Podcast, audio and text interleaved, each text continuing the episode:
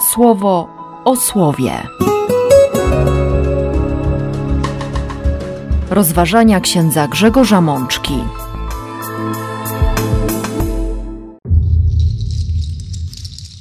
Święto świętej rodziny Jezusa, Maryi i Józefa, rok C. Z pierwszej księgi Samuela. O tego chłopca się modliłam i Pan spełnił moją prośbę, którą mu wtedy przedłożyłam. Teraz ja oddaję go Panu na wszystkie dni jego życia, by służył Panu. Z Psalmu 84. Szczęśliwi, którzy mieszkają przy Twoim domu, mogą tam Cię wysławiać na wieki wieków.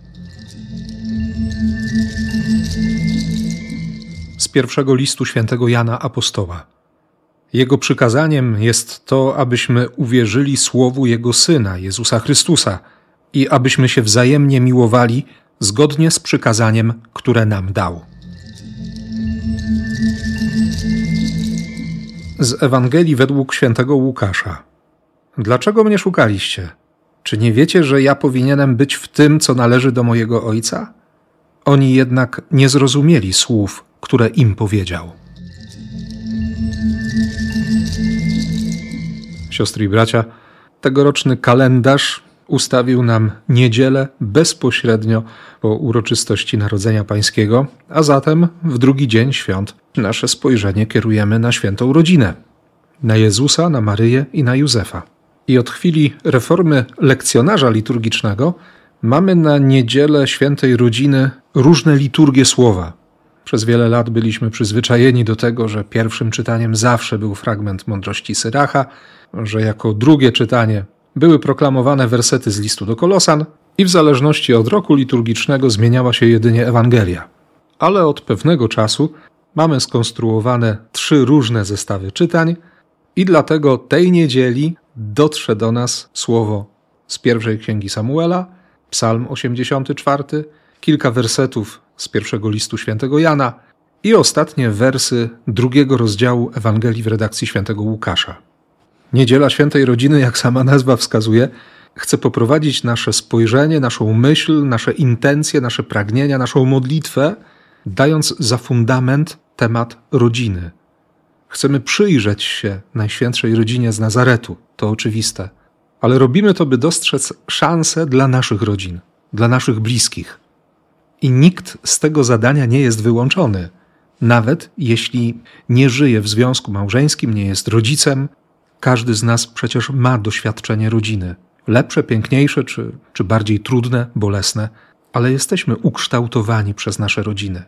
To mogą być również wspólnoty, w których wzrastamy albo wzrastaliśmy, w których kształtuje się nie tylko nasza droga duchowa, ale również człowieczeństwo, ta codzienność bo dziś akurat nie chcemy zawęzić tego pojęcia rodzina do najmniejszej komórki społeczeństwa, jaką jest małżeństwo mężczyzny i kobiety i urodzone w tym małżeństwie potomstwo.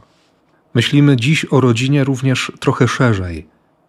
Warto teraz w duchu stanąć w tym gronie osób, które są dla nas ważne, z którymi czujemy się związani, które miały albo mają konkretny wpływ na nasze życie. Oczywiście wolelibyśmy przypominać sobie jedynie te osoby, które mają dobry wpływ, z którymi wiążą nas dobre relacje. Ale przecież każdy z nas wie, że nosimy w sobie również bolesne wspomnienia. Mamy w sercu, w pamięci, w duszy takie miejsca, które są przestrzenią zranień, może rozmaitych krzywd. Jesteśmy ukształtowani także przez bardzo bolesne wydarzenia. I dlatego Bóg daje nam we wspólnocie Kościoła taki dzień, taki czas, w którym możemy spojrzeć na Najświętszą rodzinę z Nazaretu, nie tylko by znaleźć miejsce dla uzdrowienia naszych zranień, by we właściwy sposób spojrzeć na relacje, które mamy z najbliższymi, ale również by prosić dziś jako Kościół za wszystkie rodziny, za te małe kościoły domowe, za wspólnoty, za grupy modlitewne za rodziny zakonne, za miejsca, które nazywamy domem, za ludzi, których nazywamy bliskimi, albo którzy nas tak nazywają. Mamy taki dzień, w którym możemy stanąć jako Kościół przed Bogiem i prosić. Tak zwyczajnie prosić o to, by Bóg przez swoje słowo, przez liturgię przypomniał nam, co to znaczy tworzyć dom, co znaczy być rodziną. A że nasz Pan jest bardzo uważny na każde ze słów przez nas wypowiadane, więc odpowiada również swoim słowem. Dziś tymi czterema tekstami, o których wspomniałem już wcześniej. A zatem, pierwsza księga Samuela. W pierwszych wersetach tej księgi widzimy sytuację rodzinną. Jest człowiek o imieniu Elkana, ma dwie żony, to akurat nie było niczym dziwnym ani zaskakującym w czasach pierwszego przymierza. Pierwszą jest Anna, drugą Peninna. Druga z żon Elkany ma dzieci, natomiast Anna, której imię znaczy łaska, jest bezdzietna. Wydaje się, i to dostrzegamy w kolejnych wersetach tego pierwszego rozdziału, że Anna nie tylko czuje ogromny dyskomfort z powodu bezradności, bezsilności wobec faktu bycia niepłodną, nieowocującą, ale jest to dla niej ogromny ciężar. Dziś powiedzielibyśmy naprawdę niezwykły krzyż. Jej imię, łaska, wydaje się być zaprzeczeniem historii jej życia. Trudno jej znaleźć punkty wspólne między imieniem, czyli wezwaniem, powołaniem, które są szansą na bardzo płodną historię, a faktami jej życia, które temu przeczą, które boleśnie rozdzierają jej serce, miażdżą jej pragnienia. Przeczytamy w szóstym wersecie, że fakt, że Pan nie dał jej dziecka, było dla niej udręką, a oprócz udręki powodem smutku. Była bardzo przygnębiona. I tak z nią było rok po roku. Nie było wtedy jeszcze świątyni w Jerozolimie, to były dużo wcześniejsze czasy. Wtedy przybytek Pana, namiot spotkania stał w Shilo. Arcykapłanem był Heli i służbę w świątyni pełnili jego dwaj synowie, o których mówiło się w Izraelu, że to synowie diabła. Co prawda, mąż Anny, widząc smutek swojej żony, jakoś przytomnie reagował, co dla nas dziś też jest ważną wskazówką w budowaniu relacji małżeńskich, i pytał bardzo konkretnie: Czy ja nie znaczę dla ciebie więcej niż dziesięcioro dzieci? My wiemy, że, że najważniejszą osobą w małżeństwie dla małżonka jest współmałżonek. Dla męża ma być żona, dla żony tym najważniejszym ma być mąż. Dopiero na drugim miejscu są dzieci, a na trzecim dopiero rodzice.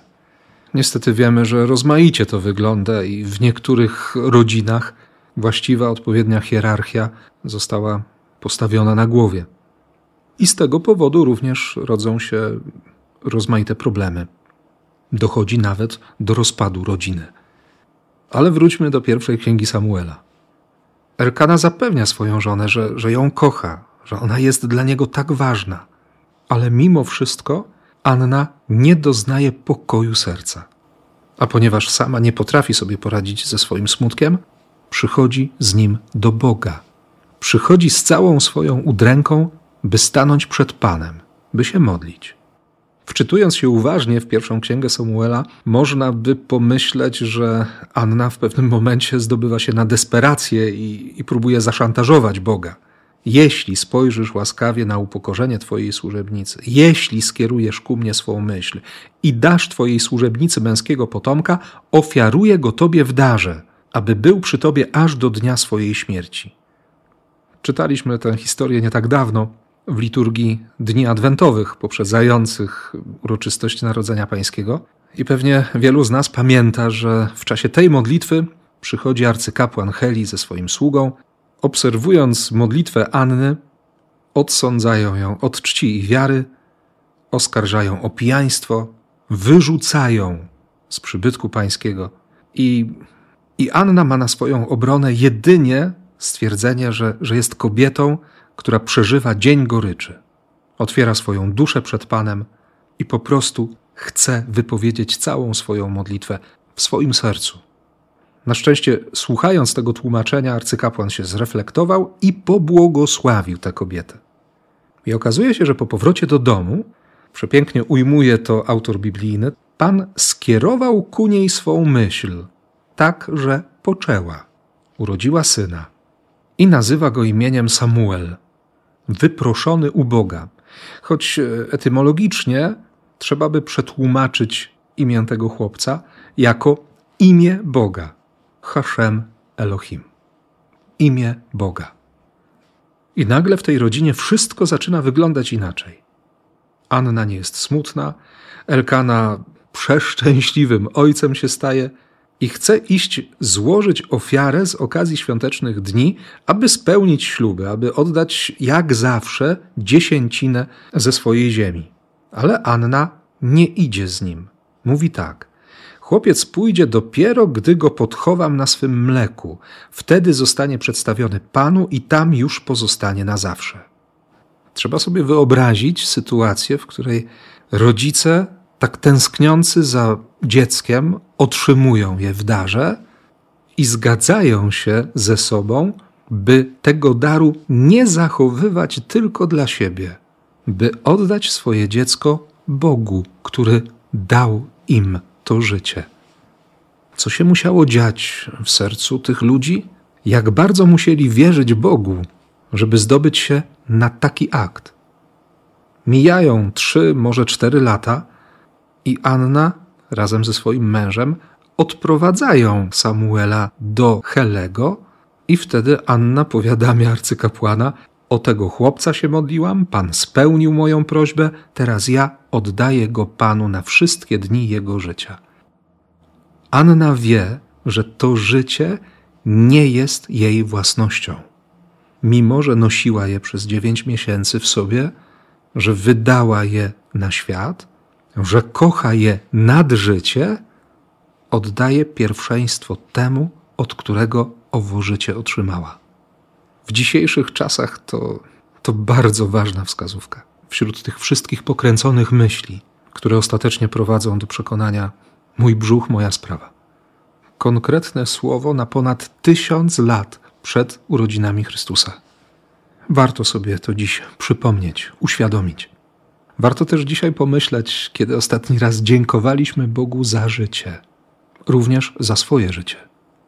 Bo zdaję sobie sprawę z tego, że, że bywają sytuacje, w których wcale taka modlitwa dziękczynienia nie przychodzi z łatwością.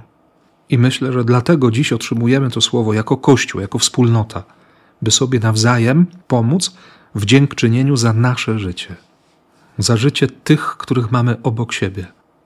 Bo każdy z nas dobrze wie, że te relacje rodzinne naprawdę rozmaicie wyglądają. I czasami najlepiej z rodziną wychodzi się tylko na zdjęciu. Ta liturgia jest dla nas wyzwaniem i wezwaniem jednocześnie, by pokonać w sobie te uprzedzenia, by prosić Boga, by połamał te bariery, by skruszył te mury, do których się czasami już tak bardzo przyzwyczailiśmy, że, że czujemy się za nimi bezpieczni, nawet w swoim domu. Może dlatego odpowiedzią czy komentarzem na pierwsze czytanie jest Psalm 84. W dedykacji przeczytamy, że jest to pieśń przy kadziach do wygniatania soku winnego, wtedy, kiedy wszyscy się cieszą. Jak miłe są Twe namioty, Panie zastępów. Dusza moja usycha z tęsknoty za dziedzińcami Pana. Serce moje, ciało wołają z radości do Boga żywego. Och, te Twoje ołtarze, Panie zastępów. Królu mój i mój Boże. Szczęśliwi, którzy mieszkają przy Twoim domu, mogą tam Cię wysławiać na wieki wieków. Możemy te wersety potraktować jako bezpośredni komentarz do późniejszego życia Samuela, ale to może być również wskazówka dla nas, w jaki sposób mamy odnaleźć się i budować nasze rodzinne relacje, jak uczyć się i gdzie uczyć się odpowiedzialności za siebie nawzajem, gdzie ma być źródło miłości, skąd mamy czerpać siłę. Och, te Twoje ołtarze, szczęśliwi, którzy mieszkają przy Twoim domu. Ostatni czas, te ostatnie miesiące, prawie dwa lata, trochę zweryfikowały tę naszą miłość do Pana Boga. To zaufanie wobec Jego łaski, nasze więzi z Kościołem, ze wspólnotą, autentyczność naszej religijności i pobożności. Może dlatego dziś po raz kolejny Bóg chce nam przypomnieć, że miłości możemy się uczyć w świątyni, możemy się uczyć w liturgii, Możemy przyjmować tę łaskę, bo, bo my jej nie wypracujemy ani nie zapracujemy na nią. My ją możemy otrzymać. I dopiero łaska, która jest w nas, którą rozpoznamy i z którą zaczynamy współpracę, owocuje konkretem życia, konkretnymi czynami, konkretnymi zachowaniami, konkretną wiernością wobec Bożych planów, wobec Bożych pragnień, w tej Bożej szkole miłości. My naprawdę potrzebujemy Kościoła, potrzebujemy wspólnoty, potrzebujemy liturgii, potrzebujemy sakramentów, potrzebujemy Słowa Boga, ogłaszanego i wyjaśnianego nam we wspólnocie Kościoła. Stąd kolejnym tekstem w dzisiejszej liturgii Słowa będą fragmenty trzeciego rozdziału pierwszego listu świętego Jana. Popatrzcie, jaką miłością obdarzył nas Ojciec, że dziećmi Boga zostaliśmy nazwani i nimi jesteśmy. Pewnie, że świat nas nie uznaje, bo Jego nie uznał. Nie poznał, nie wszedł w relacje. Ten świat nie chce mieć z nami nic wspólnego, bo nie ma jakiejkolwiek relacji z Chrystusem. Dla Jana jest to oczywiste. Nam to się może wydawać nieprawdopodobne i dlatego my często szukamy tego kompromisu, jakiejś formy dogadania się i często niestety tracimy tożsamość. A mamy dziś popatrzeć na to, jaką miłość otrzymaliśmy od Ojca. I co więcej, mamy przywilej mówienia do Boga. Możemy mieć pewność, że o cokolwiek poprosimy, otrzymamy od Niego, bo czynimy to, co u Niego znajduje upodobanie. A wolą Boga objawioną w Słowie jest to, byśmy w pełni ufali Bożemu Synowi żebyśmy darzyli siebie nawzajem taką ofiarną miłością, jaką On nam ukazał i jaką On polecił nam zachowywać. Nic więcej. To tak oczywiste, ale nie ośmielę się powiedzieć, że tak proste. Na szczęście Bóg daje nam swoją łaskę, Bóg daje nam swojego ducha, to On chce zadbać o tę miłość i On broni tej miłości w nas, żebyśmy zobaczyli, że, że to jest możliwe, bo dla Niego nie ma rzeczy niemożliwych. Dlatego Bóg zaufał nam i ofiarował nam swojego ducha. I dlatego dziś w wielu parafiach będziemy śpiewać hymn do Ducha Świętego, będziemy prosić Ducha Świętego dla naszych sióstr i braci, którzy będą odnawiać swoje przyrzeczenia małżeńskie. Bo ta miłość jest sprawą Boga, jest Jego troską. Wasza miłość jest oczkiem w głowie Boga Wszechmogącego. Naprawdę warto to dziś zauważyć i podziękować i prosić, by to, co niemożliwe, dokonywało się każdego dnia. A że jesteśmy ludźmi, którzy mają wątpliwości, Bóg daje nam jeszcze jedno słowo. Dwanaście wersetów drugiego rozdziału Ewangelii w redakcji świętego Łukasza. Dwunastoletni Jezus wędruje razem z rodzicami na święta Paschy. Józef i Maryja mają taki zwyczaj, że zabierają swojego syna do świątyni w Jerozolimie co jest bardzo dobrym przyzwyczajeniem. Jednocześnie zadaję pytanie, czy, czy nas na to stać, czy dzisiejszych rodziców stać na to, żeby, żeby przyprowadzać swoje dzieci do świątyni, na liturgię, na świętowanie. Jezus wkracza już w dorosłość. Dlatego Józef i Miriam nie orientują się na początku, że ich syna nie ma w tej grupie pielgrzymów, która wraca w kierunku Galilei. Mija dzień, zaczynają szukać swojego syna na noclegu, okazuje się, że, że Jezusa nie ma. Strach, przerażenie, powrót. Pewnie nie wędrowali jednego dnia, byli dużo szybciej w Jeruzalem, ale i tak nie znaleźli, nie znaleźli Jezusa. I dopiero na trzeci dzień odnajdują go na terenie świątyni. Siedzi z nauczycielami pisma, przysłuchuje się im, zadaje pytania. Wszyscy, którzy słyszą te pytania, są zdumieni, głębokością rozumienia zagadnień, które poruszał. Tak przetłumaczy nam werset 47 drugiego rozdziału Ewangelii Łukasza, tekst Pisma Świętego w tak zwanym nowym przekładzie dynamicznym. I wtedy wyrywa się to pytanie: Synu, dlaczego nam to zrobiłeś? Myśmy cię szukali z bólem serca. A Jezus odpowiada: Szukaliście mnie? Dlaczego? Nie pomyśleliście, że zajmuję się sprawami mojego ojca? że powinienem być w tym, co należy do mojego Ojca? Wskazówka dla nas jest bardzo jasna. Jeśli gubimy miłość, jeśli zaczynamy jej szukać gorączkowo, to trzeba przyjść do Ojca, który jest źródłem miłości. Ale Józef i Maryja nie zrozumieli tych słów, które Jezus im powiedział. Święty Łukasz tylko zaznaczy, że, że Maryja zachowywała wszystkie te słowa w swoim sercu, że zrobiła miejsce dla tego, co mówi Jezus. Dla tych wszystkich przeżyć, dla wydarzeń. Ona była w szkole Jezusa. Ona stała się uczennicą swojego syna. I to jest kolejna rzecz, na którą warto dziś zwrócić uwagę. Być w szkole Jezusa, nie uciekać z niej, nie spieszyć się, żeby jak najszybciej otrzymać świadectwo dojrzałości. Nigdy nie przestać być uczniem, bo postawa ucznia charakteryzuje się zgodą na to, że czegoś nie wiem, że mogę wiedzieć więcej, że mogę bardziej zgłębić temat, że mogę spojrzeć na wiele spraw z nowej, zupełnie innej strony. A o to również chodzi w naszym budowaniu więzi rodzinnych czy wspólnotowych. Więc prośmy dziś Chrystusa, aby nas ciągle uczył, by nas nie wypuścił ze swojej szkoły. I prośmy również Józefa i Maryję, by wspierali nas w cierpliwości, w wytrwałości, w tej otwartości serca na przyjmowanie często zaskakujących zwrotów akcji w naszym życiu, w budowaniu naszych relacji, w odkrywaniu, czym jest miłość i na czym polega to stawanie się dziećmi Boga.